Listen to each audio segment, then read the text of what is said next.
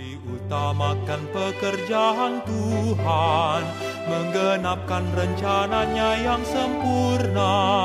Keluarga dan kerja dipakainya, menjadi terangnya, memuliakannya. Kita akan mendengarkan sharing dari seorang alumni yang akan menyaksikan bagaimana hidupnya dipakai oleh Tuhan. Kepada Kawi kami persilakan. Shalom teman-teman. Uh, selamat hari Minggu buat kita semua.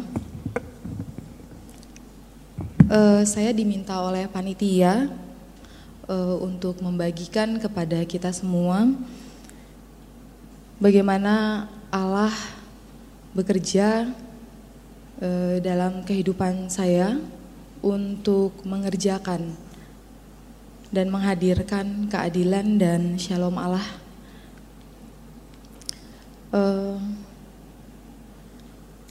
Saya mau ini adalah sebuah pergumulan seumur saya hidup sebetulnya.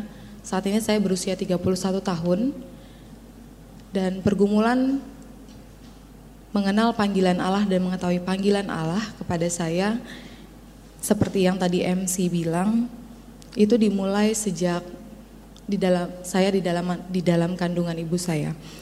Saya akan memulai cerita ini uh, dari saat saya kecil, saya dilahirkan di tengah-tengah keluarga Batak. Saya adalah anak pertama dan sejak kecil ayah saya yang berlatar belakang ekonomi uh, memang memiliki interest di bidang politik. Sehingga beliau ketika saya sudah mengenal beliau pada saat saya kecil memang selalu ber kutat dengan hal-hal politik meskipun berlatar belakang ekonomi dan juga dia mau tidak mau harus bersinggungan dengan dunia hukum. Dan sejak kecil pula ayah kami selalu mengajarkan kami mengenai menghargai perbedaan. Saya besar di lingkungan yang mayoritas muslim dan kami mungkin orang Kristen di tengah lingkungan itu hanya satu dua bisa dihitung dengan uh, jari. Tapi ayah mengajarkan kepada kami bagaimana bertoleransi, bagaimana uh, kami hidup berdampingan untuk menghadirkan kebaikan. Dan sejak kecil pula ayah selalu mengajarkan kepada kami kesetaraan. Ketika di rumah kami ada pekerja rumah tangga yang membantu ayah dan ibu saya, ayah selalu memperlakukan pekerja rumah tangga itu seperti anaknya sendiri. Kalau dia muda, kalau dia tua, pasti pekerja rumah tangga ini dianggap sebagai saudara kami, bagian dari keluarga kami. Saya tidur dengan mbak, saya makan bersama dengan mbak, dan mbak selalu juga makan bersama-sama dengan kami. Apa yang kami makan itu juga yang mbak makan. Uh, ternyata nilai-nilai yang ditanamkan oleh ayah saya sejak kecil itu terus mengakar sampai saya eh, SMA, eh, SD, SMP, SMA dan masuk ke dunia kuliah. Saya menerima Kristus pertama kali saat saya SMA. Tapi saya tidak mengerjakannya dengan sungguh-sungguh karena saya tidak tahu bagaimana mengerjakan keselamatan yang Tuhan anugerahkan itu. Sampai akhirnya saya 2004 kembali menerima Kristus sebagai Tuhan dan Juru Selamat. Saya kembali lahir baru di POFHUI uh, saya mengikuti pembinaan kelompok kecil sampai akhirnya Tuhan mempercayakan kepada saya terlibat dalam sebuah pelayanan persekutuan mahasiswa Kristen Jakarta. Di situ Tuhan kembali menganugerahkan kepada saya uh, komunitas untuk bertumbuh lewat kelompok tumbuh bersama, yaitu KTB pengurus PMKJ. Dan KTB-nya waktu itu PKTB-nya pada saat itu adalah KSI. Dan beliau juga hadir di tempat ini. Uh, saat KTB PMKJ, Tuhan mengizinkan saya untuk melihat apa yang saat itu dia sedang kerjakan. Saya tidak pernah punya niat untuk jadi pengacara. Saya uh, juga tidak pernah membayangkan kalau saya akan berada di dunia hukum cita-cita saya menjadi dokter. Alasan saya mau jadi dokter karena saya mau membantu orang-orang miskin yang tidak bisa memperoleh pelayanan medis dengan murah. Waktu itu saya tidak diterima di kedokteran negeri mana pun, tapi saya diterima di kedokteran UKI. E, namun di saat yang bersamaan ternyata saya diterima di Fakultas Hukum UI. Di situ saya bersyukur di satu sisi karena Tuhan kasih saya kampus negeri meski orang tua saya rada nggak terlalu seneng gitu ya, inginnya anaknya jadi dokter. Tapi saya terus menjalani meski di tahun-tahun pertama itu saya sangat depresi karena dengan latar belakang eksakta, saya tidak terlalu bisa mengikuti ilmu sosial dengan baik. Saya tidak menikmati pelajaran-pelajaran itu, saya tidak paham apa yang diajarkan. Yang saya tahu adalah saya harus dapat nilai bagus, karena papa saya selalu menuntut itu. Jadi saya sempat drop di IP uh, semester pertama dan saya kena marah habis-habisan bahkan disuruh mengulang lagi SMA oleh ayah saya. Tapi saya berjuang dan sampai akhirnya nilai saya mulai membaik. Singkat cerita, eh, tahun ketiga di dalam KTB PMKJ kami mulai membahas buku isu-isu global. Sebetulnya pada waktu itu eh, yang mengusulkan adalah PKTB kami karena sudah sudah habis bahan KTB kami begitu. Dan Uh, di situlah sebetulnya tujuan yang mau dicapai bagaimana kami membentuk pola pikir Kristen melihat dunia ini atau Christian worldview. Kami membahas berbagai macam isu. Sampai saya lulus dari Fakultas Hukum UI, saya lulus empat setengah tahun, saya masuk ke Lembaga Bantuan Hukum Jakarta dan kami masih membahas isu-isu global. Di situ saya menggumulkan, uh, saya juga tidak pernah tahu lembaga yang namanya Lembaga Bantuan Hukum Jakarta ini sampai seorang alumni mengenalkan tempat dia bekerja kepada saya. Dan saya mencoba. Mengapa? Karena dalam doa dan pergumulan saya Tuhan taruh belas kasihan Tuhan akan orang miskin ke dalam hati saya begitu besar. Dan tempat yang satu-satunya dapat mengakomodir itu pada waktu saya tahun keempat mau lulus, yang saya tahu hanyalah LBH Jakarta. Akhirnya saya masuk ke LBH Jakarta, saya mengikuti proses pendidikan di situ. Dan lagi-lagi saya menemukan keputusasaan yang sama, bukan keputusasaan ya, tapi eh, kebingungan yang sama seperti saya memasuki Fakultas Hukum UI, saya masuk pendidikan di LBH Jakarta namanya Karya Latihan Bantuan Hukum. Saya satu-satunya orang yang saya satu-satunya orang dari UI yang sama sekali tidak pernah menyentuh buku-buku filsafat buku-buku bacaan, buku-buku sosial klasik atau kontemporer mengenai ilmu-ilmu sosial. Yang saya tahu adalah KUHP, undang-undang, udah itu saja, undang-undang, undang-undang. Uh, semua pengetahuan yang saya miliki selama empat setengah tahun di bangku kuliah itu diputar balikkan demikian rupa saat saya mengikuti pendidikan di Kalabahu. Saya tahu di situ akhirnya ternyata bukan manusia untuk hukum, tapi hukum untuk manusia. Dan melalui KTB, pengurus PMKJ tadi, ex pengurus PMKJ karena kami sudah pada lulus, saya semakin diteguhkan karena ternyata Alkitab juga bicara hal yang sama. Saat Tuhan memberikan 10 hukum Taurat kepada bangsa Israel, ternyata karena Tuhan mau Israel punya hidup yang sejahtera. Karena Tuhan mau Israel punya hidup yang teratur. Dan di situlah saya mulai merefleksikan apa makna hukum di tengah bangsa ini. Dan saya meyakini hati Tuhan bagi Israel juga sama dengan hati Tuhan bagi Indonesia. Di situ saya mulai paham kenapa Tuhan menghadirkan saya di bidang hukum. Saya menjalani panggilan itu dan dalam pergumulannya saat saya lulus bahu saya harus ikut tes lagi untuk menjadi pengacara publik. Di situ saya uh, sangat bergumul karena orang tua tidak setuju. Anak pertama perempuan masih punya adik dua yang harus disekolahkan dan uh, bagi orang Batak PNS dan ya PNS adalah sesuatu yang sangat membanggakan.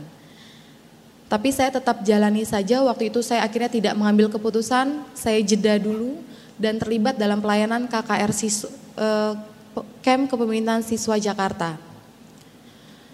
Dalam camp kepemimpinan siswa itu saya kembali bertanya sama Tuhan, Tuhan sebenarnya Tuhan mau saya masuk mana? Tapi saya tidak berhenti.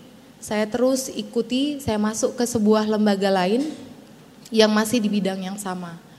Tapi ternyata Tuhan mengerjakan keajaiban, dia ini sebuah anomali, biasanya Lembaga Bantuan Hukum Jakarta hanya membuka peluang untuk daftar pengacara publik satu tahun sekali, tapi dalam tahun itu uh, mereka membuka dua kali.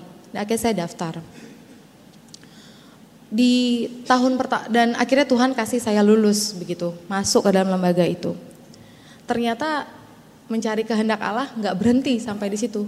Ketika masuk saya terjebak dengan rutinitas, seperti dokter yang klien datang, saya kasih resep. Karena saya sudah tahu masalahnya jawabannya ini, masalahnya ini jawabannya ini. Saya mulai letih, saya mulai jenuh. Tapi saya kembali tanya, Tuhan janjimu mana gitu. Kalau ini panggilan Tuhan harusnya Tuhan menguatkan saya. Dan di situlah saya bersama teman-teman KTB lain mengambil waktu untuk alone with God saya sharing dengan teman-teman KTB apa yang terjadi dengan saya. Dan kami pergi waktu itu ke kebun raya Bogor, saya ingat sekali. Dan dalam Alone with God itu, Tuhan ternyata berbicara dengan ajaib. Dia membukakan kepada saya Ibrani 13 ayat 3. Dia bilang, ingatlah akan orang-orang hukuman, karena kamu sendiri juga adalah orang-orang hukuman. Dan ingatlah akan orang-orang yang diperlakukan sewenang-wenang, karena kamu sendiri juga masih hidup di dunia ini. Tuhan ingatkan saya, selama kamu hidup di dunia ini dan kamu sudah tahu apa artinya hukum saya berikan bagi bangsa ini, terus kerjakan itu. Akhirnya saya kembali kerjakan. Dan dalam menjalani panggilan Allah itu saya selalu mengambil waktu untuk merenungkan kembali secara berkala dan dalam perenungan-perenungan itu Tuhan seolah-olah berbicara dan membukakan Tiwi, saya sesungguhnya sudah mempersiapkan kamu sejak dulu untuk hal ini. Tuhan ingatkan saya akan ayat CD saya. Karena saya bergereja di HKBP. Ternyata ayat CD saya juga bicara itu gitu. Dari Roma 8 ayat 31b. Jika Allah di pihak kita, siapakah lawan kita? Seolah-olah saya diposisikan dalam sebuah kondisi yang akan selalu berhadap-hadapan dengan lawan, dengan musuh. Dan pengacara dalam persidangan selalu seperti itu. Dan itu yang saya nikmati. Saya terus kerjakan dan ternyata tanpa saya sadari dan saya baru sadari ketika saya persiapan uh, sharing ini. Uh, Tuhan izinkan waktu saya jadi asisten bantuan hukum mengerjakan sebuah uji materi, dua uji materi saat saya masih jadi asisten. Uji materi mengenai penodaan agama yang hari ini teman-teman tahu itu kembali lagi muncul. Saya mengajukan uji, saya ber, saya jadi satu tim dan yang kedua uji materi mengenai pelarangan buku. Dan setelah saya merenungkan pekerjaan Allah yang dia kerjakan melalui hidup saya, saya sangat bersyukur. Karena kalau waktu itu tidak ada uji materi pelarangan buku, kita nggak akan pernah tahu sejarah bangsa ini yang sesungguhnya yang pernah digelapkan oleh rezim Soeharto. Kita tidak akan pernah tahu bahwa ternyata dalang dari peristiwa G30S yang dulu selalu disandingkan dengan PKI ternyata adalah TNI dan beberapa oknum dari Partai Komunis Indonesia. Dan jika kita tidak boleh membaca buku-buku seperti Tan Malaka, Muhammad Hatta, Natsir, dan kawan-kawan, kita juga tidak akan pernah tahu bagaimana sejarah bangsa ini sesungguhnya. Dan saya bersyukur untuk pekerjaan Allah itu. Dan meskipun untuk uji materi penodaan agama kita kalah di Mahkamah Konstitusi, tapi saya tahu akhirnya kenapa Tuhan izinkan saya mengerjakan itu. Tuhan kasih saya kesempatan di tahun ini bersama tim saya di kantor saya untuk membuat sebuah pendapat hukum bagi seorang yang bernama Ahok. Kami memberikan amikus kure untuk Ahok. Dan ternyata bukan hanya Ahok. Ada teman-teman dari keyakinan yang berbeda dengan kita. Tuhan izinkan saya kembali merenungkan kenapa Allah panggil saya jadi pengacara.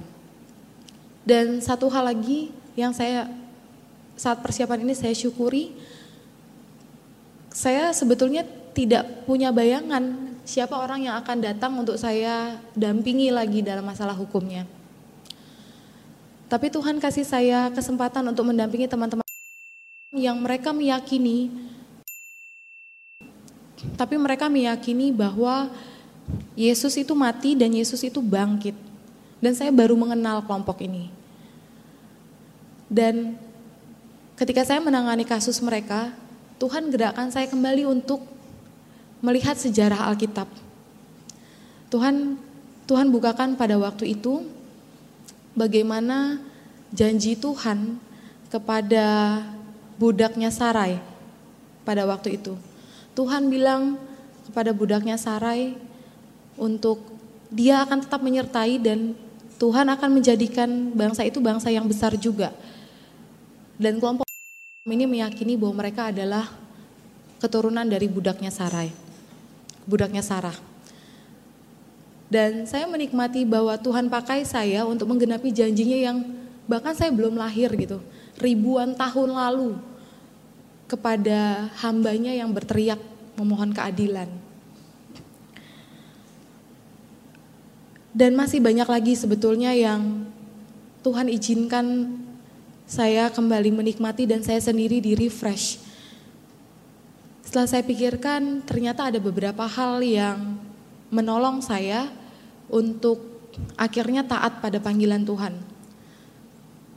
Pertama saya menyadari bahwa teman-teman dan kita semua harus menyadari bahwa proses menggumulkan panggilan Allah dalam hidup itu bukan proses satu dua kali atau satu tahun dua tahun, tapi seumur hidup. Dan panggilan Allah itu bukan tempat kerja atau kantor, bukan pula eh, sebatas profesi, tapi apa yang Allah mau kerjakan lewat talenta, lewat pengetahuan yang Tuhan sudah berikan pada kita.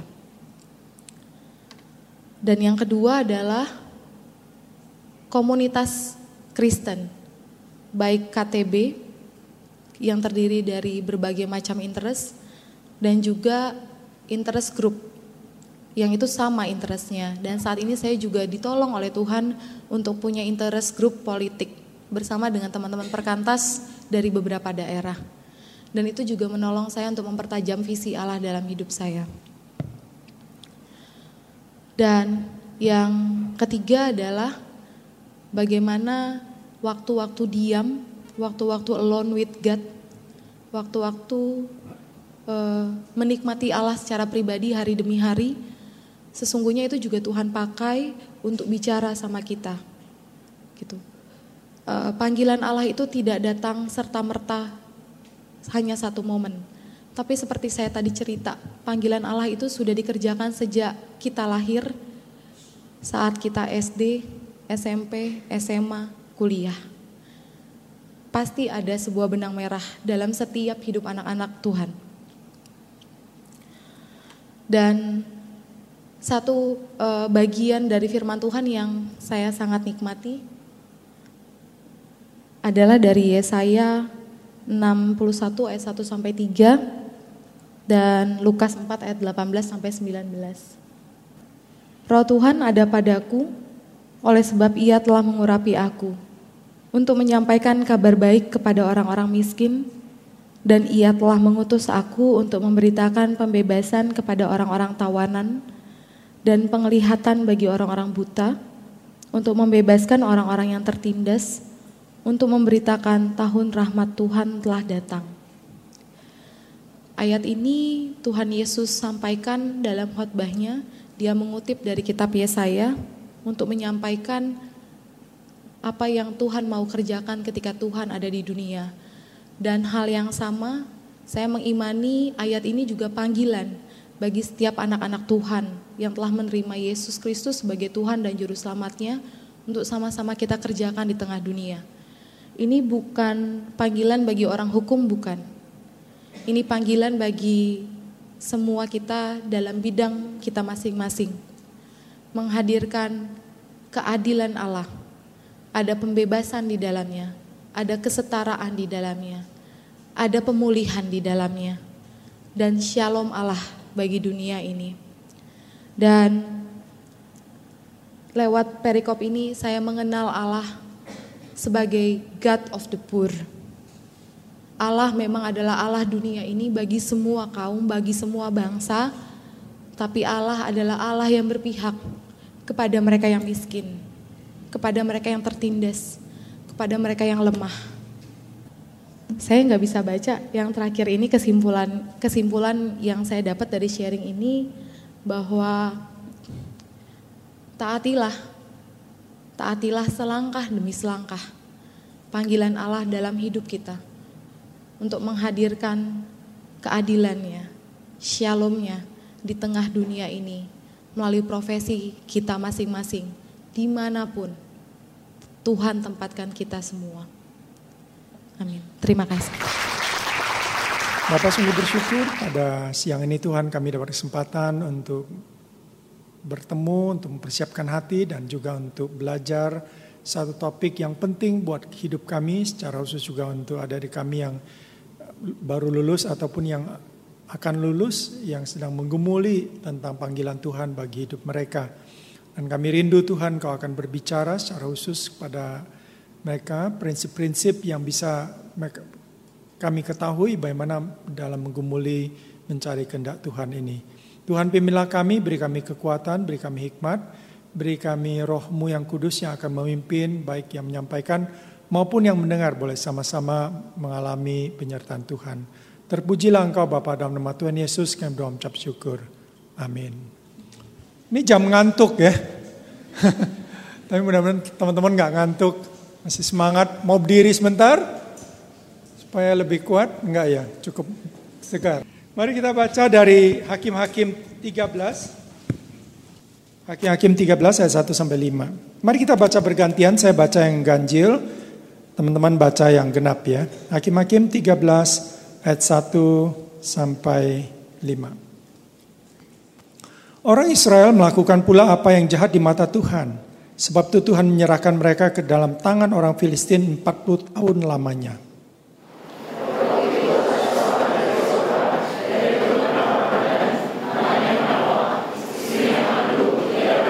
Dan mereka Tuhan menampakkan diri kepada perempuan itu dan berfirman padanya, demikian. Memang engkau mandul, tidak beranak, tapi engkau akan mengandung dan melahirkan seorang anak laki-laki.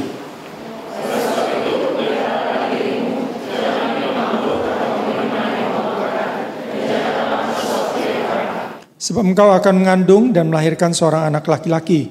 Kepalanya tak akan kena pisau cukur, sebab sejak dari kandungan ibunya anak itu akan menjadi seorang nasir Allah dan dengan dia akan mulai penyelamatan orang Israel dari tangan orang Filistin. Ya, saya rasa kita udah lihat ya judul depannya udah jelas ini adalah cerita tentang lahirnya Simpson. Ya, judul kita hari ini adalah Finding God's Will ya, Finding God's Calling. Kalau kita lihat di sini Finding God's Calling itu sama dengan Finding God's Will for your life, hampir sama. Jadi sama ini, Finding God's Will biasanya kalau dulu kita pakai istilah mencari kehendak Tuhan buat hidup kita, Finding God's Will. Tapi sekarang ada istilah baru yaitu calling. Jadi finding God's calling, ya, finding calling. calling. Belakangan ini ada muncul buku-buku yang calling. Calling bagus karena berkaitan nanti dengan kata vocation. Ya, jadi dalam sejarah gereja pun sudah lama ada kata vocation. Nanti kita akan lihat vocation itu apa dan seterusnya. Nah, surah kita mulai dengan satu cerita yaitu tentang seorang yang namanya Simpson. Ya di sebenarnya seluruh seluruh natsnya ada di Hakim-Hakim 13 sampai 16. Simpson adalah uh, dalam bahasa Ibrani Semes ya, kemungkinan namanya berarti matahari kecil, heroic sun-like strength and miraculous energy. Simpson adalah hakim yang ke-12 dan yang terakhir. Jadi yang terakhir, jadi hakim ada 12 dan dia yang terakhir 50 tahun sebelum Raja Saul. Jadi setelah itu kalian masih tahu ceritanya orang Israel minta raja, betul nggak? Ya, akhirnya Raja Saul yang muncul ya, raja pertama. Jadi Simpson adalah hakim terakhir dan uh, Saul raja yang pertama. Kurang lebih seperti itu backgroundnya. Nah tentu saudara ya kalau lihat gambar ini cukup menarik ya saudara. Kalau kita tanya anak-anak mana lebih hebat, Samson atau Rambu kalau guru sekolah minggu ya. Uh, mereka akan teriak, Rembu.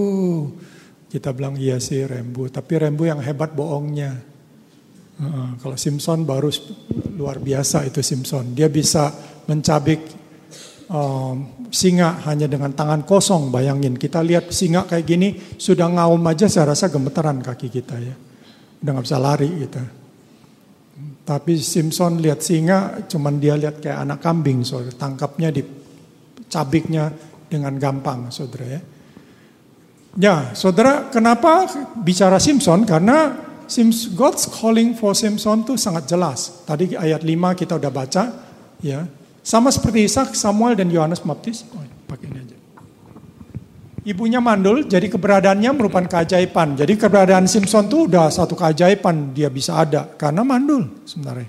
Sama seperti Yohanes juga, Samuel juga sama, Ishak juga ya, Abraham anaknya Abraham itu kan udah mandul baik Abrahamnya maupun istrinya, tapi akhirnya muncul Ishak. Berarti ini sangat ajaib. Nah Simpson juga ajaib karena orang tuanya udah mandul, eh, ibunya sudah mandul tapi dia masih bisa punya anak itu menarik sekali. Nah, God's calling for Simpson yaitu menjadi seorang nazir ya. Kalau kita baca di situ seorang nazir. Dan kalau kalian lihat ini yang saya kasih kurung adalah diambil dari kamus di belakang. Seorang nazir adalah seorang yang baktikan diri untuk pelayanan pada Tuhan. Jadi seperti orang yang full time, seperti jadi pastor, seperti jadi biarawan, ya kan, seperti jadi mong yang di Buddha juga ada ya. Orang-orang yang hidupnya sepenuhnya untuk Tuhan. Dia nggak nggak lagi untuk yang lain. Bahkan biasanya Nazirnya tidak menikah biasanya, ya tidak menikah full untuk melayani Tuhan. Nah, tapi menarik biasanya Nasir itu adalah jadi nabi, jadi imam. Tapi si Simpson dipanggil jadi Nasir itu jadi hakim. Ya, jadi hakim.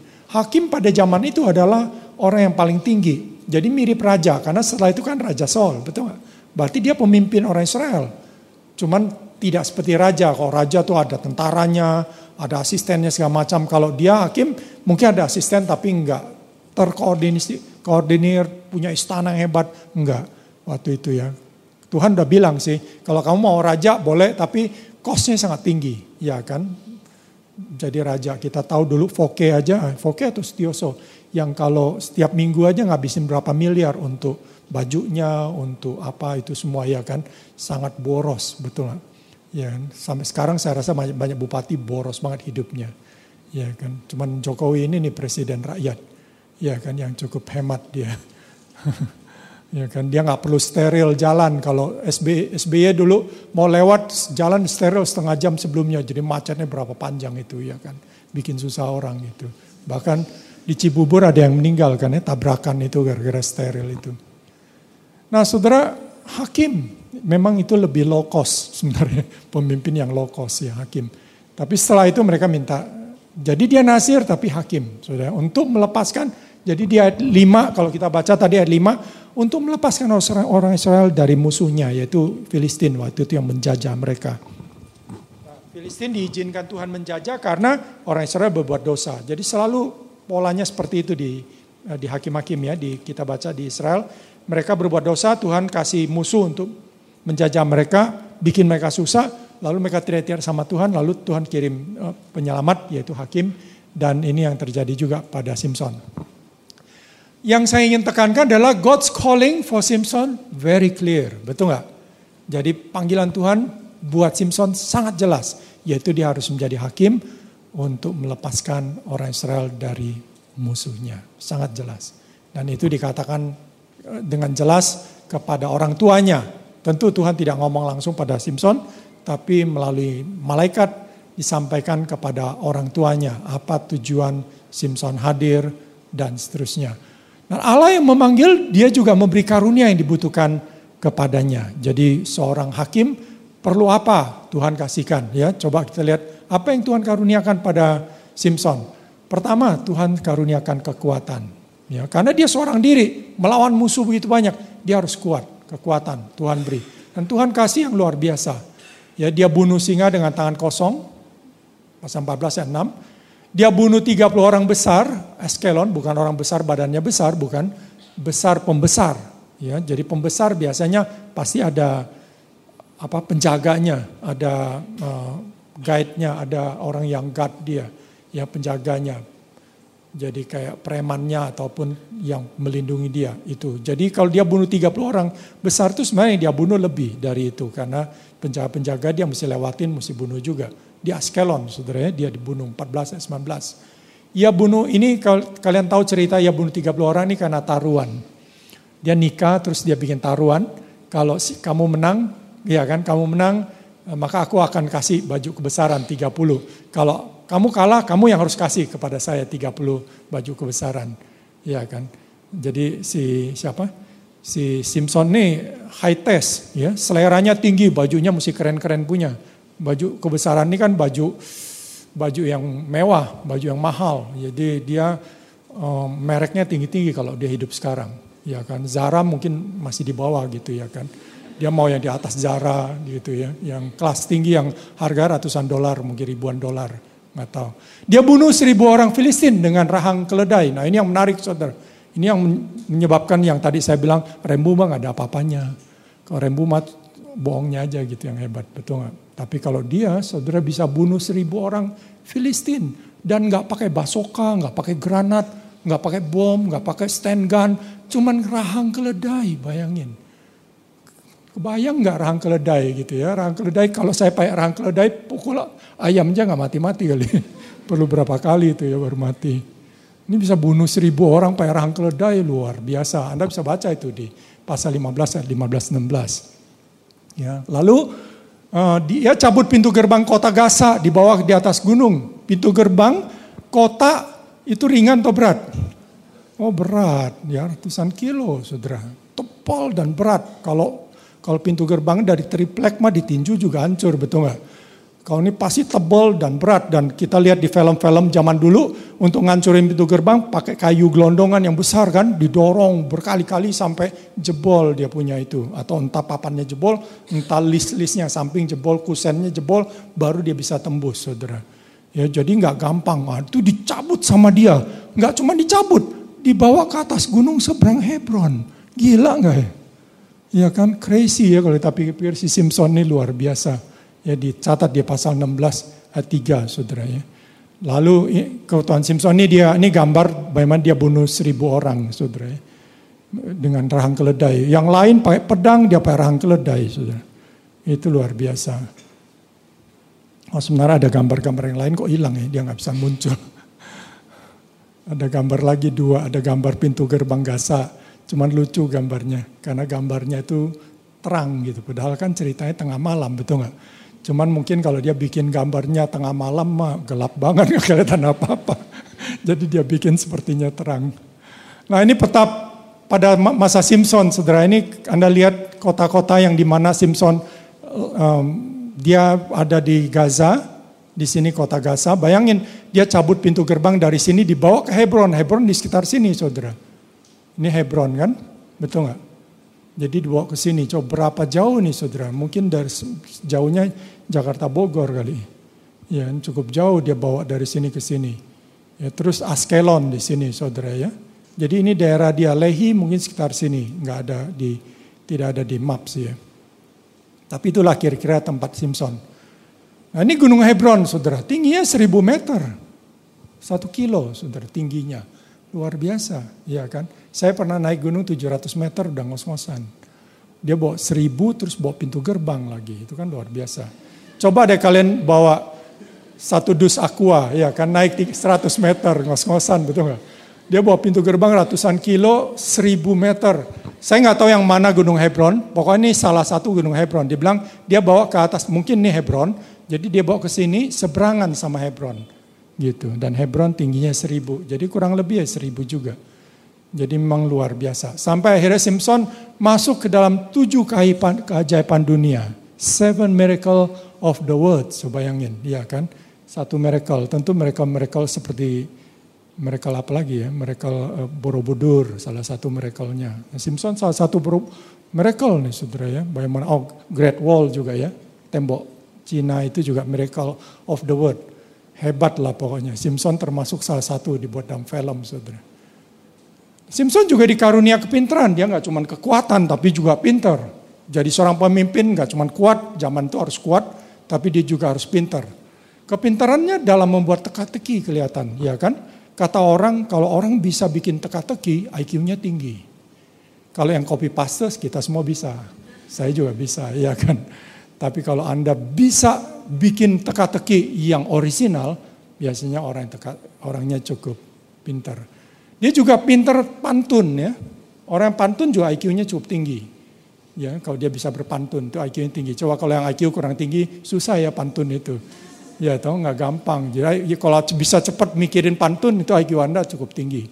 Ya, jadi dia pin, pantun kan waktu dia habis bunuh orang yang seribu itu dia kan bilang dengan rahang keledai bangsa keledai ku bunuh betul nggak? Dia bilang begitu. Jadi pintar sekali orangnya, sangat luar biasa. Lalu bagaimana dia menangkap? Jadi ada diceritakan dia menangkap 300 anjing hutan. Ya bahasa Inggrisnya diterjemahkan fox. Ya, fox itu kayak serigala, betul nggak? 300 anjutan, mengikat mereka berdua-dua. Itu kalau nggak pinter gimana caranya coba? Pertama, nangkap tiga anjing hutan aja aku rasa aku nggak bisa. Ya kan, suruh sebulan juga nggak dapat dapat gitu ya kan. Dia 300, kalau nggak pinter dia nggak mungkin bisa nangkap, betul nggak? Kalau nggak pinter bisa nggak dia ngikat? Dia ngikat ekornya, dua anjing itu diikat, ditaruh obor tengahnya. Gimana caranya coba? Anda pegang satu, udah gigit, betul nggak? Pegang satu lagi, kita diserang sama dua anjing serigala. Wow, itu sangat tidak mungkin. Jadi otaknya mesti sangat cerdas. Kalau yang zaman saya tuh ada MacGyver, nah otak MacGyver tuh yang pinter banget gitu. Yang sangat banyak akalnya gitu ya, bagaimana cara. Mungkin dia bikin dibikin dulu tempat menjepit. Jadi satu serigala dimasukin, dijepit. Satu lagi dijepit, baru dia dengan lega untuk ngikat ekornya, betul nggak? lalu pasangin obor. Jadi mesti smart orangnya, ya sangat pintar. Jadi dia bukan orang bodoh. Kalau dia badannya besar, kuat, tapi bodoh kan nggak bisa jadi pemimpin, betul nggak? Tapi dia selain kuat, besar, dia juga seorang pintar. Dia juga kaya, saudara. Bayangin dia nikahnya selama tujuh hari. Ya kan, kebayang nggak baru nikah tiga jam aja udah bikin kita bangkrut, betul nggak? Bayar uang gedung berapa semuanya. Tiga jam ini tujuh hari berapa anjing? Eh berapa anjing? kalau menado berapa babi atau berapa sapi saudara ya atau berapa ayam yang jadi korban yang akan dipotong untuk pernikahannya. Jadi perayaan nikahnya tujuh hari saudara di hakim-hakim 14 ayat 17. Jadi kalau dia nggak kaya, tentu bukan dia yang kaya, tapi at least dia punya keluarga yang kaya, orang tuanya cukup kaya, jadi dia udah punya segalanya. Dia udah semua yang diperlukan, pinteran, kekayaan, kekuatan. Semua sudah Tuhan berikan. Ya kan? Sampai tapi saudara yang dia terkenal bukan yang dia terkenal sampai bikin film berapa film tuh? Dua yaitu Samson and Delilah, romansnya. Ya, jadi dia lebih terkenal bukan sebagai hakim tapi sebagai playboy. Ya, suka main perempuan. Ya kan? Dan ini kelemahan dia saudara ya bahwa dia Simpson. Ya, ini gambar seperti itulah yang kita dapat dari Sorry. Ya. Jadi kita bisa lihat saudara, uh, itulah yang dia terkenal ya, dia terkenal dengan gini-gini kelemahan Simpsonnya. Lalu um, bagaimana God's calling saudara? Jadi bagaimana panggilan Tuhan buat Simpson ya?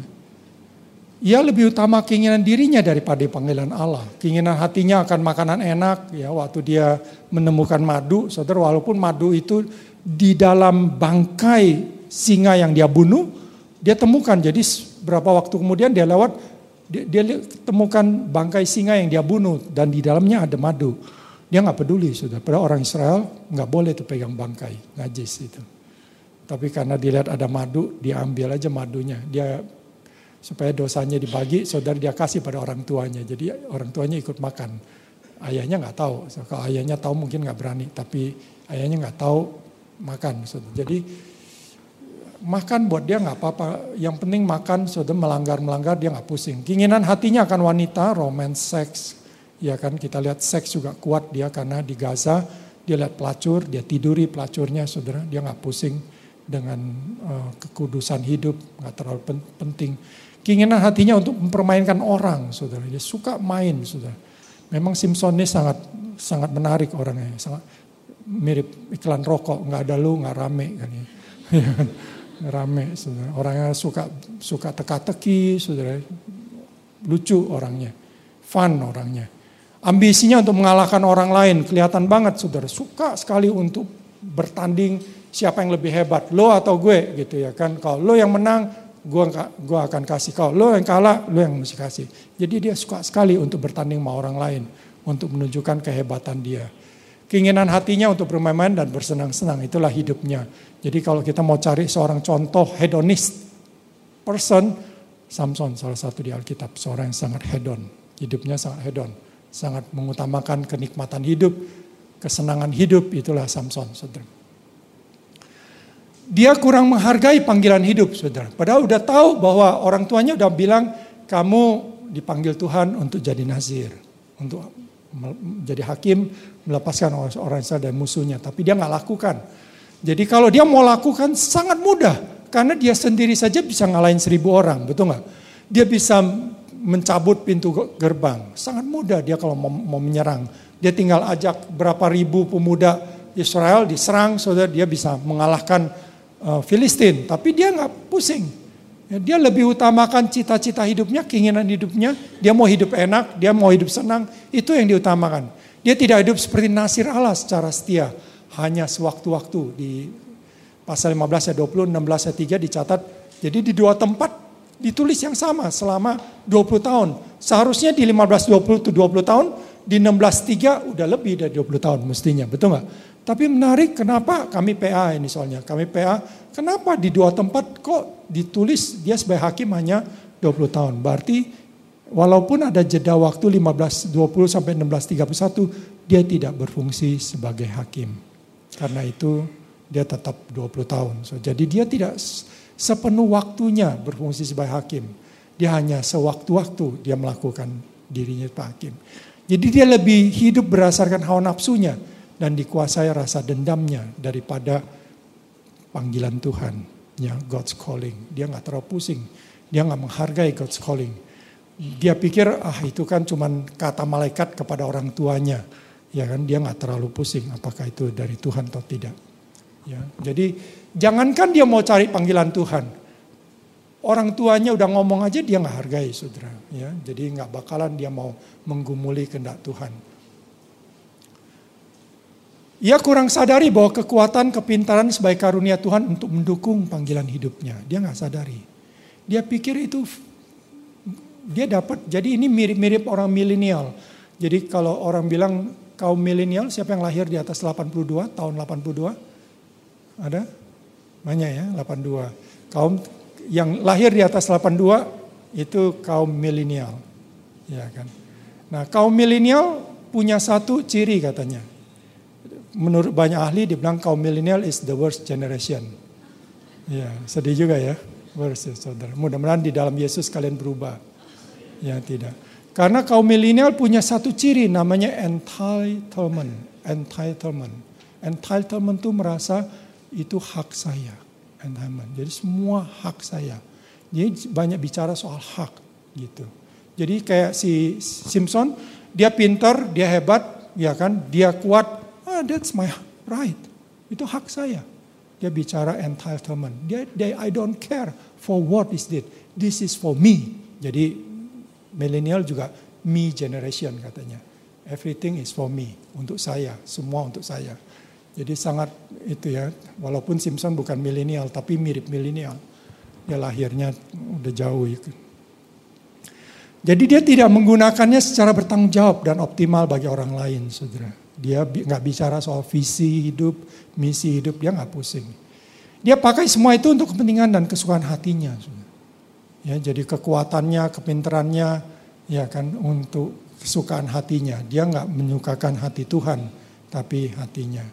Dan kalau kita baca dia pasal 16 ayat 20, saudara hakim-hakim 16 20, itu menarik ya. Jadi waktu Delila akhirnya mengorek mengorek uh, rahasia kekuatan dia, dia akhirnya sampaikan pada Delila. Walaupun dia sampaikan secara secara bertahap, ya, awal kurang jelas, kurang jelas, akhirnya dia udah gak tahan, dia beritahu semuanya bahwa rambutnya, ya kan? Kenapa dia beritahu?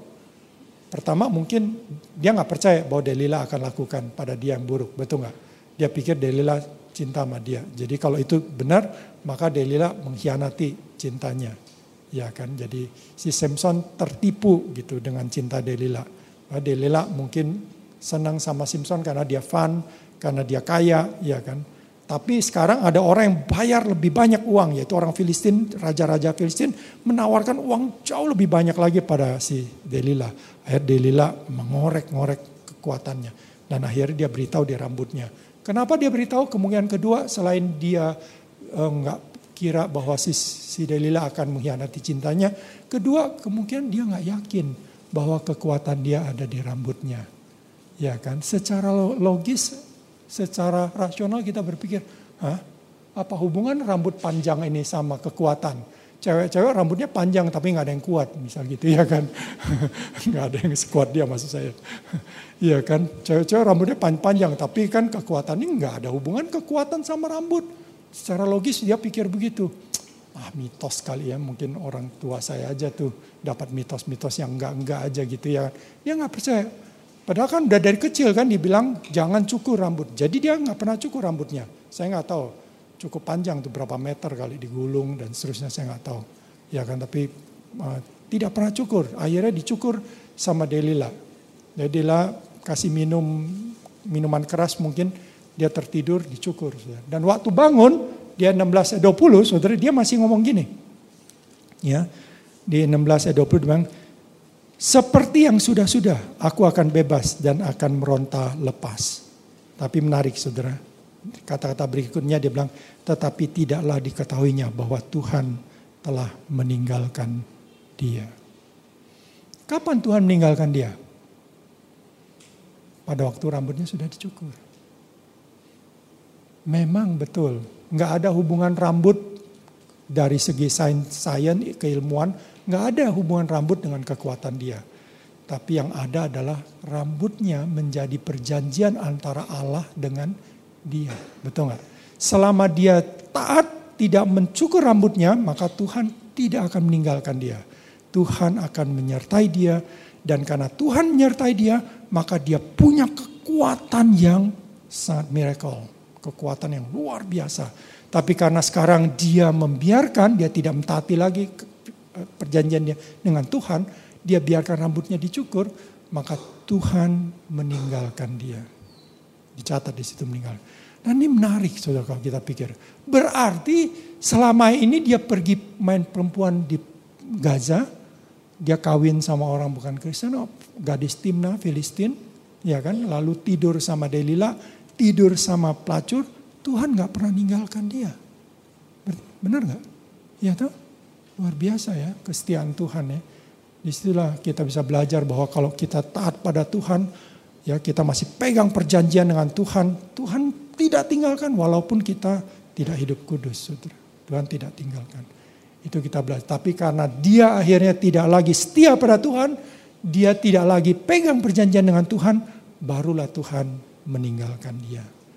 Dan barulah saat itu dia ditangkap lemah, dia nggak punya kekuatan lagi. Saudara dicatat di situ bahwa Tuhan telah meninggalkan dia. Orang Filistin itu menangkap dia, mencungkil kedua matanya, membawanya ke Gaza. Kenapa bawa ke Gaza? Karena dia pernah mempermalukan kota Gaza dengan mencabut pintu gerbang Gaza. Betul nggak? Sekarang Tuhan mem, apa orang Filistin mengembalikan moral orang Gaza dengan membawa Filistin ke Gaza. Eh, si siapa Simpson ke Gaza, saudara. Ya. Jadi kita bisa lihat, jangan anggap enteng firman Tuhan. Kalau Tuhan bilang jangan cukur rambut, taati. Itu benar, Tuhan setia dengan kebenarannya. Kalau Tuhan bilang penting berdoa. Karena kadang kita pikir apa hubungannya doa, betul nggak? Bukankah doa itu untuk orang-orang lemah, orang-orang yang tidak kuat? Iya kan? Tapi kalau Tuhan bilang doa, berdiam diri, alone with God, ya kan? Di situ Tuhan hadir. Maka kan firman Tuhan bilang dengan berdiam diri, ya kan di situlah kekuatannya, ya kan kekuatanmu. Jadi kalau Tuhan yang bilang, walaupun secara logika kita nggak bisa jawab saudara, secara saintifik kita nggak bisa buktikan, tapi karena Tuhan yang bilang, ya kita harus belajar taat saudara. Seperti Simpson ya, Simpson merasa nggak mas nggak make sense lah bahwa rambutnya berhubungan dengan kekuatannya. Dia pikir mungkin kekuatannya dari otot-ototnya yang keras Ya kan dari makanan yang dia makan membuat dia kuat. Dia nggak pernah kebayang bahwa rambutnya itulah perjanjian Tuhan dengan dia bahwa kekuatannya itu dari Tuhan dan selama rambutnya tidak dipotong kekuatannya masih ada. Tapi waktu rambutnya dipotong hilang semua saudara. Demikian juga kita saudara jadi jangan anggap enteng hal-hal yang kecil.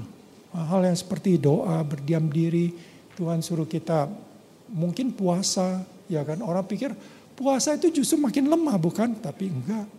Puasa itu justru kekuatan rohani kita ditingkatkan ya, dibangun. Jadi Simpson kurang sadari saudara itu semua untuk mendukung panggilan hidupnya saudara. Sehingga dia tidak menghargai. Akhir hidup Simpson sangat menyedihkan dari seorang yang sangat gagah perkasa saudara. Seorang yang luar biasa gagah perkasa tapi menjadi seorang buta dan menjadi seorang budak. Jadi seorang hakim, pemimpin, akhirnya menjadi budak, saudara. Jadi seorang yang sangat gagah perkasa menjadi seorang yang buta. Ya sangat terhina. Akhir hidup Simpson menyedihkan. Dan daripada dia daripada dia akhir mengakhiri hidup seperti ini, akhirnya dia minta sama Tuhan dia bilang Tuhan kembalilah berikan kekuatan. Dan menarik kalau kita baca di situ, dia 22, tetapi rambutnya mulai tumbuh pula sesudah dicukur. Jadi setelah cukur rambutnya mulai tumbuh. Dan waktu rambutnya tumbuh berarti pengharapannya muncul lagi, betul nggak? Bahwa Tuhan akan menyertai dia lagi. Lalu waktu dia doa terakhir, saudara, maka dia berdoa supaya Tuhan kembali beri dia kekuatan untuk dia. Sebenarnya dia sangat dikuasai dendam dia juga. Tapi mungkin dia juga ada sedikit rasa sedih bahwa gara-gara saya nggak taat sama Tuhan, Tuhan dipermalukan.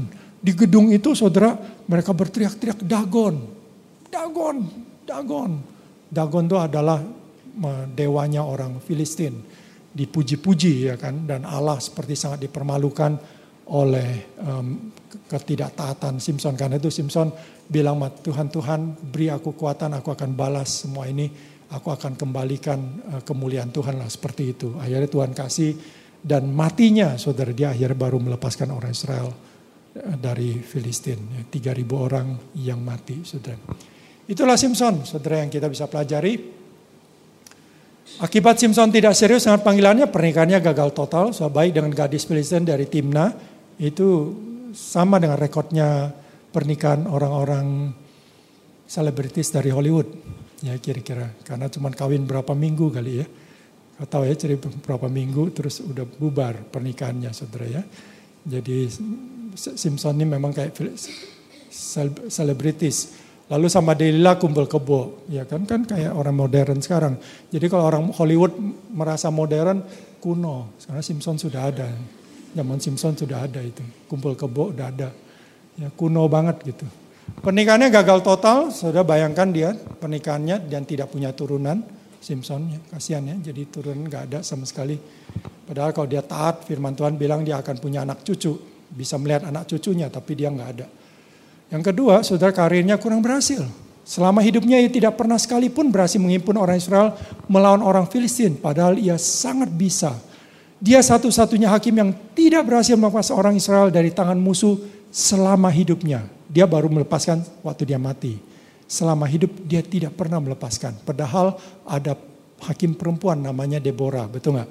Nah Deborah saja melepaskan, ya kan selama hidupnya.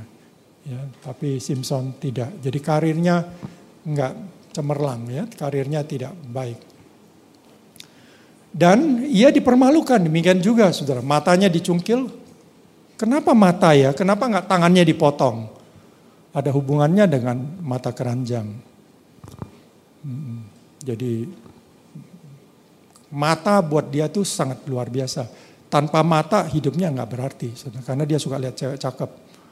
Ya kan? Jadi mata, saudara. Mata dicungkil. Kenapa mata?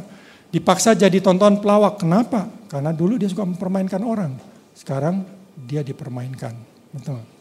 Jadi Allah dipermalukan juga dan mereka memuji Dagon ya.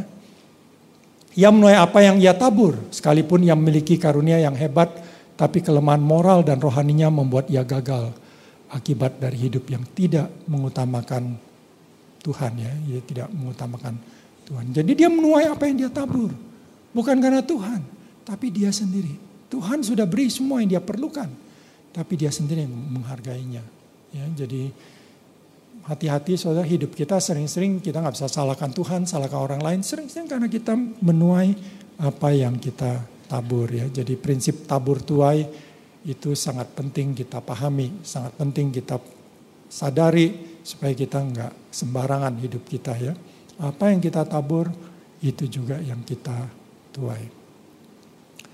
Nah renungan saudara, jadi um, apakah saudara benar-benar menyadari pentingnya menghargai hidup sesuai dengan panggilan Allah? Jadi hari ini kita bilang knowing God will. Tapi kalau kita bicara knowing God will, kita bicara mencari kehendak Tuhan. Tapi kalau calling God's calling, God's will nggak penting buat kita, kita nggak akan serius. Ya, topik ini udah dibahas bertahun-tahun, tapi saya nggak melihat ada orang yang serius menggumuli kehendak Tuhan. Ya, jadi percuma saja kalau kita bicara knowing God's will, kalau kita nggak menyadari God's will itu penting. Karena itu kenapa saya angkat Simpson supaya kita sadar kita maukah hidup seperti Simpson. Kalau anda mau hidup banyak alumni mungkin seperti Simpson, they don't care about God's calling, they care about themselves, they care about their life, their joy, their fun, ya kan? They don't care about God's God's will, God's calling, they don't care. Ya, saya cuma ingin supaya Simpson, ingatlah Simpson, Anda bisa seperti Simpson Simpson masa kini, saudara. Memang fun hidupnya, tapi berakhir nothing. Mirip seperti yang dikatakan sang pengkhotbah, kesia-siaan belaka. Anda di mengakhiri hidup Anda, what is your legacy of life? Apa yang Anda akan berikan kepada anak cucu Anda? Apa yang akan Anda berikan kepada bangsa ini? Apa yang Anda berikan pada gereja, saudara? Nothing. I just care about me and my family. Nothing gitu, ya kan? Bahkan sebagian family pun kagak, saudara. Dia pikir untuk family, tapi family pun dihancurin, saudara. Karena dia sibuk cari uang. Dia nggak pusing anak-anaknya narkoba misalnya. Jadi saudara, God's calling. How is that important for you? Seberapa itu penting? Kalau Anda nggak anggap itu penting, Anda nggak akan gumuli. Tapi kalau Anda, Anda tahu bahwa God's calling is very important, baru Anda akan gumuli ya. Jadi adakah saudara menyadari menghargai segala karunia yang Tuhan berikan? Kepintaran, talenta, kesempatan studi, perguruan tinggi, itu untuk mendukung panggilan hidup Anda. Bahwa Tuhan punya panggilan hidup untuk Anda. Ya kan? Jadi ada panggilan hidup yang Tuhan berikan pada setiap kita, saudara. Dan karena itu Tuhan berikan kesempatan kuliah, kesempatan kepintaran, talenta, dana yang cukup untuk kita bisa kuliah. Sehingga tujuannya apa? Tujuannya untuk panggilan hidup. Tapi jangan seperti Simpson, dia nggak pusing semua itu. Dia pikir itu semua dari orang tuanya. Dia pikir semua itu entitlement, hak dia. Dia nggak pusing untuk panggilan Tuhan. Karena itu dia nggak serius dengan panggilan Tuhan. Sudahkah saudara gunakan itu untuk kerajaan Allah atau hanya untuk ambisi diri saudara ya. Jadi ini perlu kita renungkan. How to find your calling in your twenties? Karena saya yakin kalian kebanyakan twenties kecuali saya, Tiwi dan berapa yang kita yang udah lebih ya kan. Tapi kebanyakan kalian twenties saudara ya. Who I am, who am I here, what's my purpose in life ya. Jadi ini ada quarter life calling ya. Jadi quarter itu seperempat. Jadi dua, ini umur dari zero sampai 20 dari mulai 20 ya kan dua quarter life calling ya. Saya banyak mengutip dari bukunya Os Guinness, baik Rising of the Call maupun The Call, saudara. Lihat cara orang modern memandang calling. So, dia bilang there is no deeper meaning in life than to discover and live out your calling. Ya. Jadi um, calling itu adalah deeper meaning in life. Jadi makna hidup yang lebih dalam dari kehidupan, saudara. Ini terjemahannya. Calling is our deeper longing, dibilang. Ya, jadi kerinduan yang lebih dalam. All other standard of success, jadi semua standar ke, ke, uh, kesuksesan keberhasilan, apakah itu kekayaan, kuasa, posisi, pengetahuan, termasuk kita ambil S2, S3, friendship, pertemanan, grow tiny, saudara. Dia bertumbuh sangat kecil. Tiny itu very small, ya, tiny. Kecil sekali. Hollow, kosong, saudara. If you do not satisfied with deep, this deeper longing. Jadi orang-orang modern yang serius dengan hidupnya mereka menemukan seperti ini, saudara, ya bahwa kalau kita nggak dipenuhi, kita nggak menemukan calling kita dengan benar, nanti anda akan akan ulangi apa yang yang orang-orang sudah alami, yaitu ada uh, tiny, hollow, walaupun well, kaya, power, position semua udah dicapai, tapi in the end hanya kekosongan, saudara, dan tidak bisa uh, memuaskan ya calling kita. Ini bahasa Indonesia-nya juga. Nah, bicara calling, saudara, we are called first foremost ya, to someone before it is to be and to do something. Ini definisi yang menurut saya bagus banget ya. Satu definisi bahwa kita dipanggil first ya, jadi foremost terutama dan pertama mungkin kalau kita terjemahan bahasa Indonesia. Jadi yang kita pertama-tama eh, atau yang terutama kita dipanggil dan pertama-tama kita dipanggil to someone. S-nya besar berarti pribadi yang agung ya kepada pribadi someone ini tentu yang dia masukkan adalah kepada sang pencipta. Before is to be and to do something. Jadi sebelum kita menjadi dan melakukan sesuatu ya. Jadi inilah calling kita ya, call callnya kita. Nah, Oskina saya bilang bahwa uh, kalau kita lihat dua itu saudara ada first someone lalu to do and to be maka yang pertama ini yang call to someone ini adalah primary calling ya jadi panggilan yang primer ya. Ini tidak bicara soal bahwa ini lebih penting dan ini kurang penting ya menurut saya dua-duanya penting tapi primary calling hanya bicara soal mungkin urutan sedikit urutan ya jadi primary calling adalah panggilan untuk berelasi dan bersekutu dengan Allah. Dan untuk inilah Yesus datang dan mati di salib untuk kita. Ya, jadi ini penting banget karena Yesus mati itu untuk relasi kita dengan Tuhan.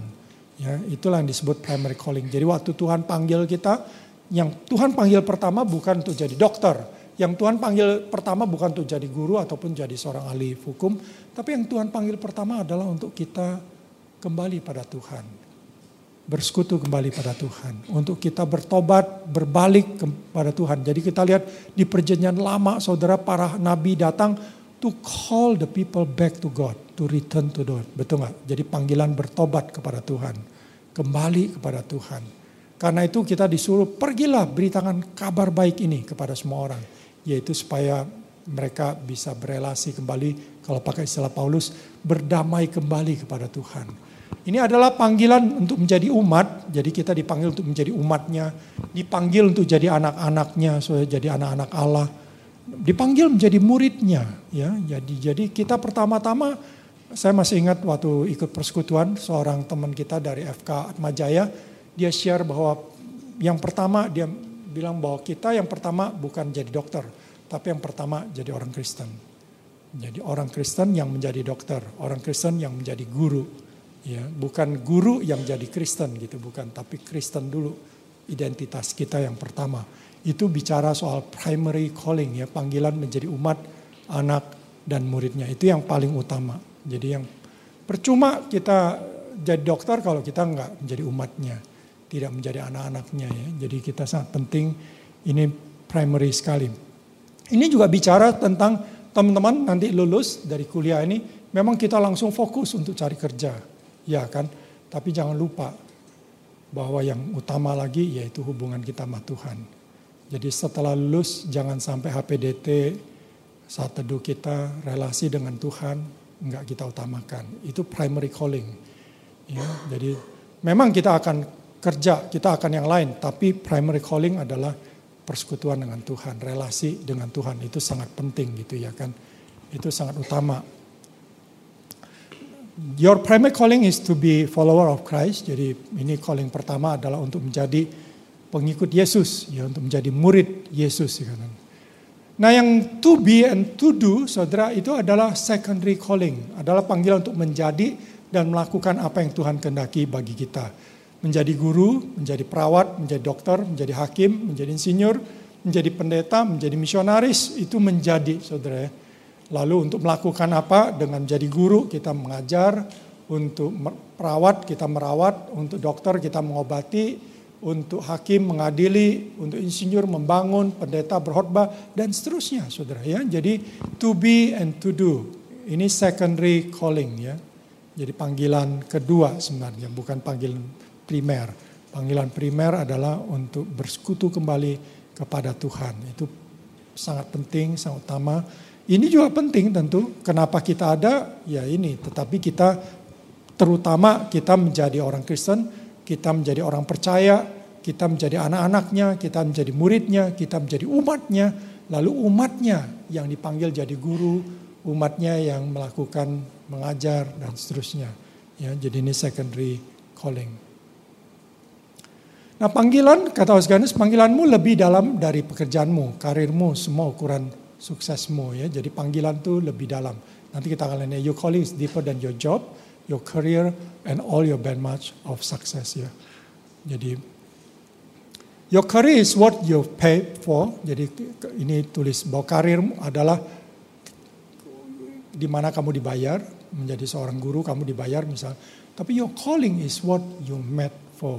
Jadi calling itu bicara kenapa kamu diciptakan. Kenapa kamu ada. Kenapa ada di dunia ini? Karena ada calling Tuhan ya. Jadi calling is what you made for. Jadi kita lihat dari kata-kata ini udah kelihatan bahwa ini jauh lebih dalam ya daripada hanya karir saja yang kita lihat. Ya, karena kita dibuat untuk apa? Kita diciptakan untuk apa? Nah, what is your vocation, saudara? Ya, kalau orang tanya what is your vocation, kita jawabnya I'm a teacher, I'm a nurse, I'm a lawyer, I'm a pastor. Nah, vocation, saudara berasal dari bahasa Latin vocatio, yang berarti panggilan atau dipanggil bekerja jadi kalau kita tahu bahwa vokasio ini adalah panggilan, maka bekerja merupakan panggilan hidup. Karena sebagian besar waktu kita akan kita gunakan dalam kerja. Maka kita bilang life calling ya. Life calling atau panggilan hidup ini karena seluruh waktu kita atau bagian terbesar dari waktu kita adalah untuk bekerja, saudara. Apakah sebagai guru, sebagai lawyer, sebagai pastor, dan seterusnya. Ya ini Kata vocare juga ya, vocation comes from Latin word vocare which means voco atau vocare which means to call. Ya, dipanggil. Nah pentingnya panggilan hidup saudara, kerinduan kami yaitu untuk mengetahui bahwa kita sedang memenuhi tujuan kenapa kita ada di dunia. Jadi our passion is to know that we, we are fulfilling the purpose for which we are here on earth. Jadi calling ini adalah mencari apa sih tujuan saya ada di dunia ini. Kira-kira seperti itu ya. Jadi apa tujuan? Jadi kita ingin memenuhi tujuan kenapa saya ada di dunia ini. Mirip seperti buku apa itu? Um, bukunya Rick Warren itu ya, mirip-mirip. Ya, purpose driven life ya. Itu mirip-mirip seperti itu yang the purpose for which we are here on earth ya. Ya, live your calling, what on earth I'm here for. Jadi untuk, untuk apa saya ada? Oh, saya memang Tuhan panggil. Tentu pertama jangan lupa, pertama kita menjadi dipanggil untuk menjadi umatnya, menjadi ciptaannya, menjadi miliknya. Ya kan, tapi kita juga dipanggil untuk vokasi kita ya, vokasi apakah jadi guru atau jadi seorang dokter, saudara ya, itu calling yang Tuhan berikan pada kita. Pentingnya panggilan hidup, sebagai manusia modern kita semua mau mencari makna hidup, saudara ya atau bahasa Inggrisnya as modern people we are called all on a search of significance. Jadi kita semua mencari significance ya, makna. We desire to make a difference. Kita punya kerinduan untuk bikin perubahan. We long to leave a legacy. Kita rindu akan meninggalkan wasiat atau warisan. Ya, warisan lah lebih tepat ya, legacy. Warisan yang kita bisa tinggalkan ya dalam hidup kita yang kita wariskan kepada generasi yang berikutnya. Tentu sesuatu yang bernilai, sesuatu yang berharga, sesuatu yang bermanfaat, yaitu legacy. Sesuatu yang bernilai tinggi, yang bermanfaat ke depannya. Sesuatu yang kita capai dengan indah untuk kita wariskan kepada generasi berikutnya ya. Sorry. Panggilan hidup menolong kita untuk hidup secara bermakna, jadi berkat, berkenan, dan muliakan Allah. Panggilan hidup akan mempengaruhi career and family planning. Jadi kalau Anda udah tahu panggilan hidup Anda, itu akan mempengaruhi career dan family planning kita. Ya, Jadi kita akan pemilihan teman hidup.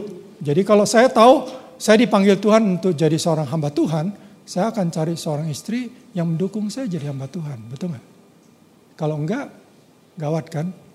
Ya kalau saya jadi hamba Tuhan tapi istri saya jadi hamba hantu. Rusak jadi. Tentu kita harus cari seorang yang mendukung, saudara. Jadi sangat penting sekali, saudara, ya, kalau kita, uh, sorry. Jadi dia akan pengaruhi career and family planning kita. Bagaimana kita memplanning karir kita, bagaimana kita planning family kita, bagaimana kita memilih teman hidup, buku-buku apa yang kita baca, kita akan buang buku-buku yang nggak bukan panggilan kita lagi, betul nggak? Kalau panggilan saya adalah untuk orang miskin seperti yang Kak Tiwi tadi bilang, maka saya akan banyak fokus ke situ. Bagaimana melayani orang miskin, memahami orang miskin, kenapa orang miskin terjadi dan seterusnya. Ya bagaimana kita bisa membantu. Buku-buku akan pengaruhi kita baca. Rencana studi juga akan ke sana. Studi lanjut kalau kita mau studi lanjut, kita nggak akan pilih sesuatu yang tidak berhubungan calling kita. Pasti berhubungan dengan calling kita. Ya, jadi waktu saya udah tahu saya callingnya jadi staff misalnya. Saya tentu fokus, saya mesti belajar menjadi staff yang baik buku-buku bahkan saya pikir kalau staff saya dipanggil jadi apa ya? Oh saya kuat di pemuritan. Saya akan cari buku-buku pemuritan. Gitu ya kan? Jadi semua akan dipengaruhi saudara. Ya oleh panggilan hidup. Jadi karena itu panggilan hidup penting.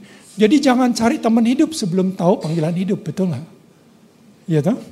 Kalau anda udah gumulin teman hidup tapi belum jelas panggilan hidup bagaimana tengah jalan? Eh ternyata panggilan hidupku sana. Nanti tengah jalan bubar deh karena teman hidup kita nggak mau ikut dengan panggilan hidup kita, betul nggak? Jadi gumuli dulu panggilan hidup. Saya waktu pertama kali gumul panggilan hidup. Saya udah tahu panggilan hidup saya jadi staff, baru saya cari teman hidup yang mau mendukung saya jadi staff, betul nggak? Yang cocok buat saya jadi staff. Cakep nggak cakep nomor dua. Nomor satu dia dukung saya jadi staff dulu, ya kan itu nomor satu. Nah, uh, Mark Twain, Twain, Mark, Mark Twain ya, dia bilang the most, uh, the two most important days in your life are the day you are born. Yang pertama hari di mana kamu lahir, karena itu kan kita selalu ingat hari ulang tahun kita, betul nggak? Karena itu penting, ya toh, itu penting. Tentu hari kedua kita pikir adalah hari pernikahan ya, happy wedding anniversary. Tapi Mark Twain enggak loh, dia bilang bahwa yang kedua adalah the day you find out why. Jadi Anda menemukan kenapa Anda lahir. Kayaknya nggak semua orang deh. Cuman Mark Twain. Kita semua nggak merasa itu penting ya kan. Bahwa find out why itu suatu yang sangat important. Tapi sebenarnya important nggak? Important ya Anda bisa tahu kenapa Anda lahir. Untuk apa Anda lahir sebenarnya. Nggak cukup cuma tahu bahwa aku sudah lahir. Tapi for what? Why? Ya kan itu penting. Kalau Anda sudah temukan maka itu importance. Ya. Itulah find out why you are born, itulah yang disebut calling, panggilan hidup. Itulah Anda tahu kenapa apa panggilan Allah buat hidup Anda. Ya, kenapa Anda ada di dunia ini? Kenapa? Ya kan itu adalah um, born. Nah, cari kendak Tuhan, saudara bukan seperti ini. Kalau seperti ini semua kelihatan sama, tinggal pilih yang mana gitu ya kan. Kayak enggak gitu deh. Ya kan. Juga enggak kayak gini ya kan banyak pilihan, wah bingung kita ada lima saudara, lima cukup bingung yang mana yang harus pilih ya. Ya tentu kita harus pilih banyak lima mungkin tapi ada kok clue-nya, ada kok langkah-langkahnya untuk bisa tahu yang mana dari lima ini yang Tuhan inginkan gitu ya kan. Jadi itu yang penting. Nah, sekarang kita bicara bagaimana mengetahui panggilan hidup ya. Jadi memahami panggilan hidup tidaklah mudah karena kita bisa beli begitu banyak pilihan ya dan sekaligus berbagai keterbatasan untuk memahami kehendaknya. Karena itu uh, dua ini dipakai saudara untuk menolong menyempit kita. Pertama ketiga bentuk vokasi, kedua ketiga macam panggilan ya. Nah yang vokasi ini adalah human vocation atau istilah yang lain general calling, human vocation.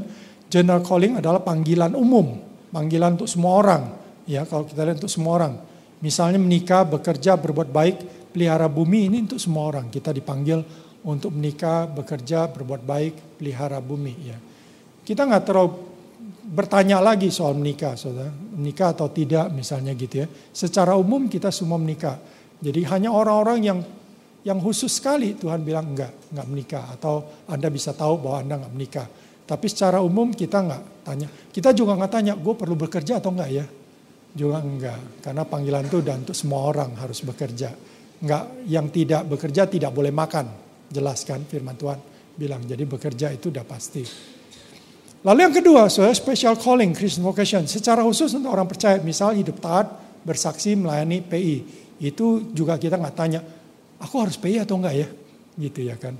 Aku harus hidup kudus nggak? Nggak tanya lagi. Itu udah semua kita orang Kristen paham. Kita harus beritaan Injil. Cara beritaan Injil itu nomor dua. Tapi kita semua dipanggil untuk beritaan Injil. Kita semua dipanggil untuk melayani. Kita semua dipanggil untuk bersaksi. Kita semua dipanggil untuk hidup taat. Itu udah nggak kita pertanyakan itu udah kehendak Tuhan, panggilan Tuhan untuk setiap orang percaya, saudara. Kalau Anda percaya Yesus, Anda akan hidup taat, ya kan. Karena itu buat kita juga, saudara, masa LGBT segala macam, kita nggak terlalu pusing. Karena kalau kita hidup taat, kita tahu apa yang Tuhan mau, betul nggak? Kita udah nggak pusing lagi, saudara. Ya kan. Soal pergumulan tentu kita bergumul. Misalnya soal hidup kudus, kita udah nggak pusing.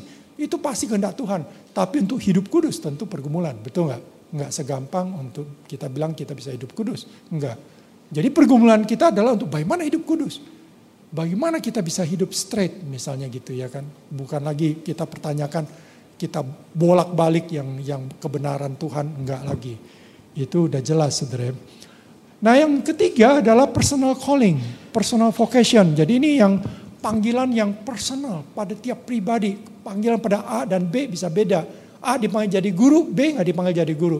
Ya kan, C dipanggil menjadi dokter, D nggak dipanggil jadi dokter, D dipanggil yang lain. Jadi kita punya personal calling yang lebih khusus untuk setiap pribadi. Ya bisa jadi guru, pegawai negeri, artis, pengusaha, bahkan kadang-kadang di kota tertentu Tuhan tunjukkan ya kota tertentu atau institusi tertentu. Tentu ini sangat spesial, nggak semua orang ngalamin seperti tapi sebagian orang sampai begitu jelas Tuhan maunya di institusi tertentu, di kota tertentu panggilan Tuhan.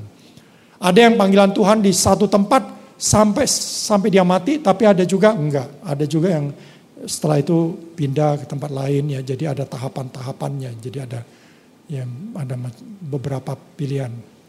Nah, tiga macam panggilan, Saudara. Yang pertama adalah providential call, ya. Jadi panggilan yang disebut providensia Allah ya. Jadi panggilan pemeliharaan, providensia dari kata provid, prof, uh, provide ya, provide itu pemeliharaan, memelihara provide, disediakan, dipelihara, kira-kira begitu ya, providensia call ada panggilan pemeliharaan Tuhan, persiapan Tuhan. Itu ya. Yang kedua adalah talent call dan yang ketiga adalah heart call ya. Pertama adalah provincial call. Discerning provincial hand of God. Jadi kita coba memahami tangan pemeliharaan Tuhan dalam hidup kita. Mulai kita lahir, keluarga yang kita miliki, Tadi kita kalau dengar sharing Kak Tiwi, kita udah lihat bagaimana keluarga, keluarga punya peran, bagaimana Tuhan sudah menyiapkan ya kan Kak Tiwi, bagaimana dia dipanggil pada plan tertentu. Pendidikan yang dia dapat, misalnya kalau dia akhirnya masuk ke dokteran dengan masuk hukum tentu beda panggilannya. Ya, jadi education. Personality-nya, bagaimana kepribadian dia, kesempatan kadang-kadang kita pengen tapi kesempatan nggak terbuka. Jadi opportunities juga salah satu cara Tuhan untuk menunjukkan tangan pemeliharaan dia. Ya, semua ada discovering our personal vocation. Nah, yang paling menarik dari sini adalah Saudara, misal lihat Musa. Musa Tuhan waktu panggil dia untuk jadi pemimpin orang Israel, ya untuk memimpin orang Israel keluar dari Mesir. Sepertinya kalau kita baca begitu saja kita pikir uh, Tuhan sepertinya mendadak gitu ya. Tuhan mendadak lalu panggil Musa. Eh Musa, kamu panggil ya. Jadi waktu di apa namanya di Sinai atau apa tuh ya, yang ada api di semak itu ya kan, baru Tuhan panggil ya kan, kita pikir begitu. Tapi kalau kita look back saudara, ternyata panggilan untuk untuk menjadi pemimpin orang Israel, memimpin orang Israel keluar dari Mesir, itu sudah Tuhan lakukan sejak dia lahir. Setuju nggak? Betul nggak?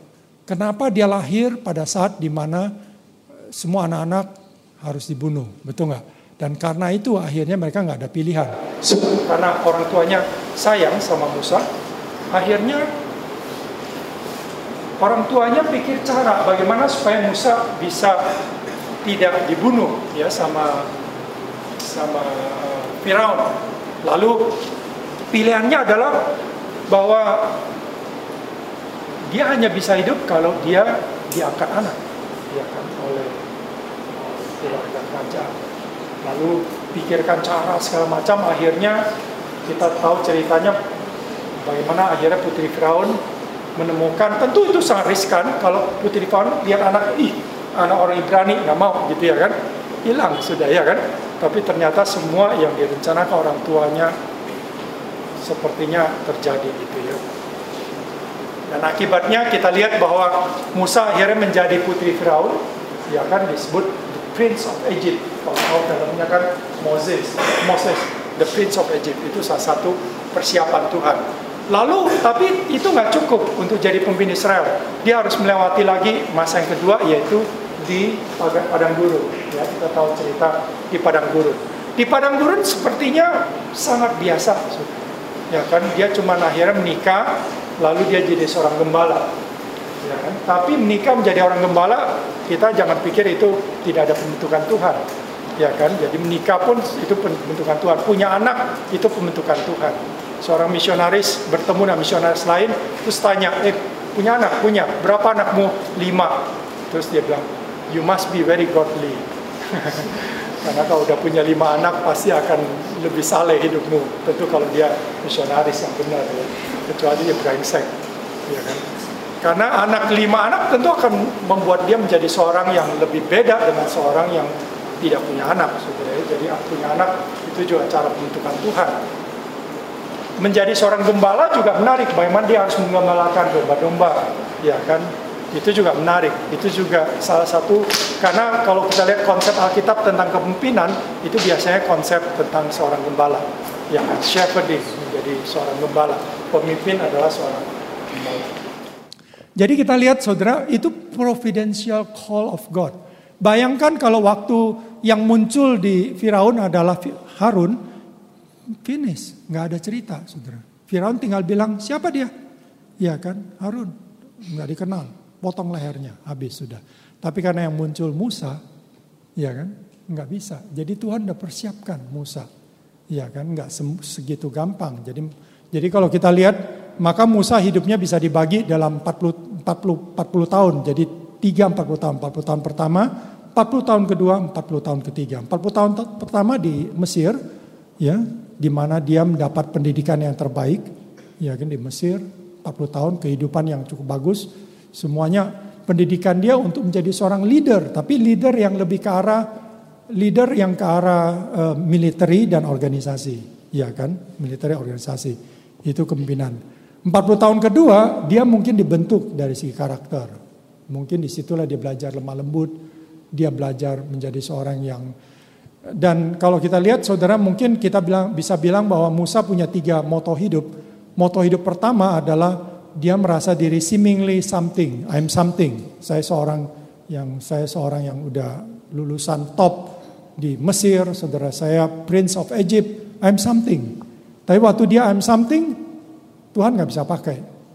Ya kan? Waktu yang kedua, saudara waktu dipanggil setelah 80 tahun, dipanggil, dia bilangnya apa? I'm nothing. Ya kan? Jadi 40 tahun kedua membuat dia menjadi mengosongkan diri lah sepertinya jadi nothing. Jadi rupanya Tuhan justru memanggil orang-orang yang merasa dirinya nothing. Ya, jadi 40 tahun terakhir mungkin moto hidupnya adalah God is everything. Tuhanlah segala-galanya. Ya.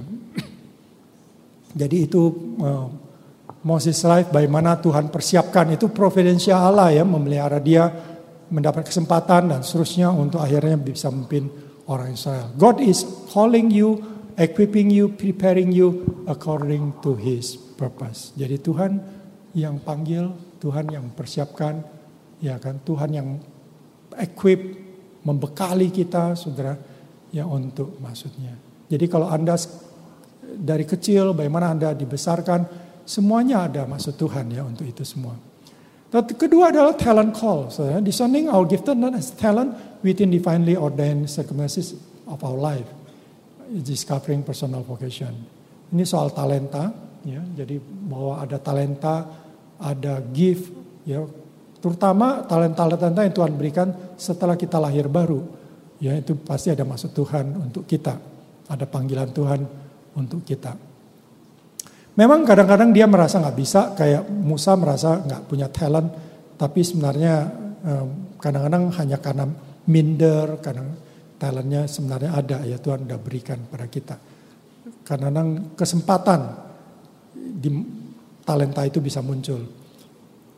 Jadi kita lihat juga orang-orang punya vocational skill, misalnya talenta-talenta yang Tuhan sudah berikan nggak semua orang punya talenta ngajar, tapi sebagian orang suka ngajar misalnya.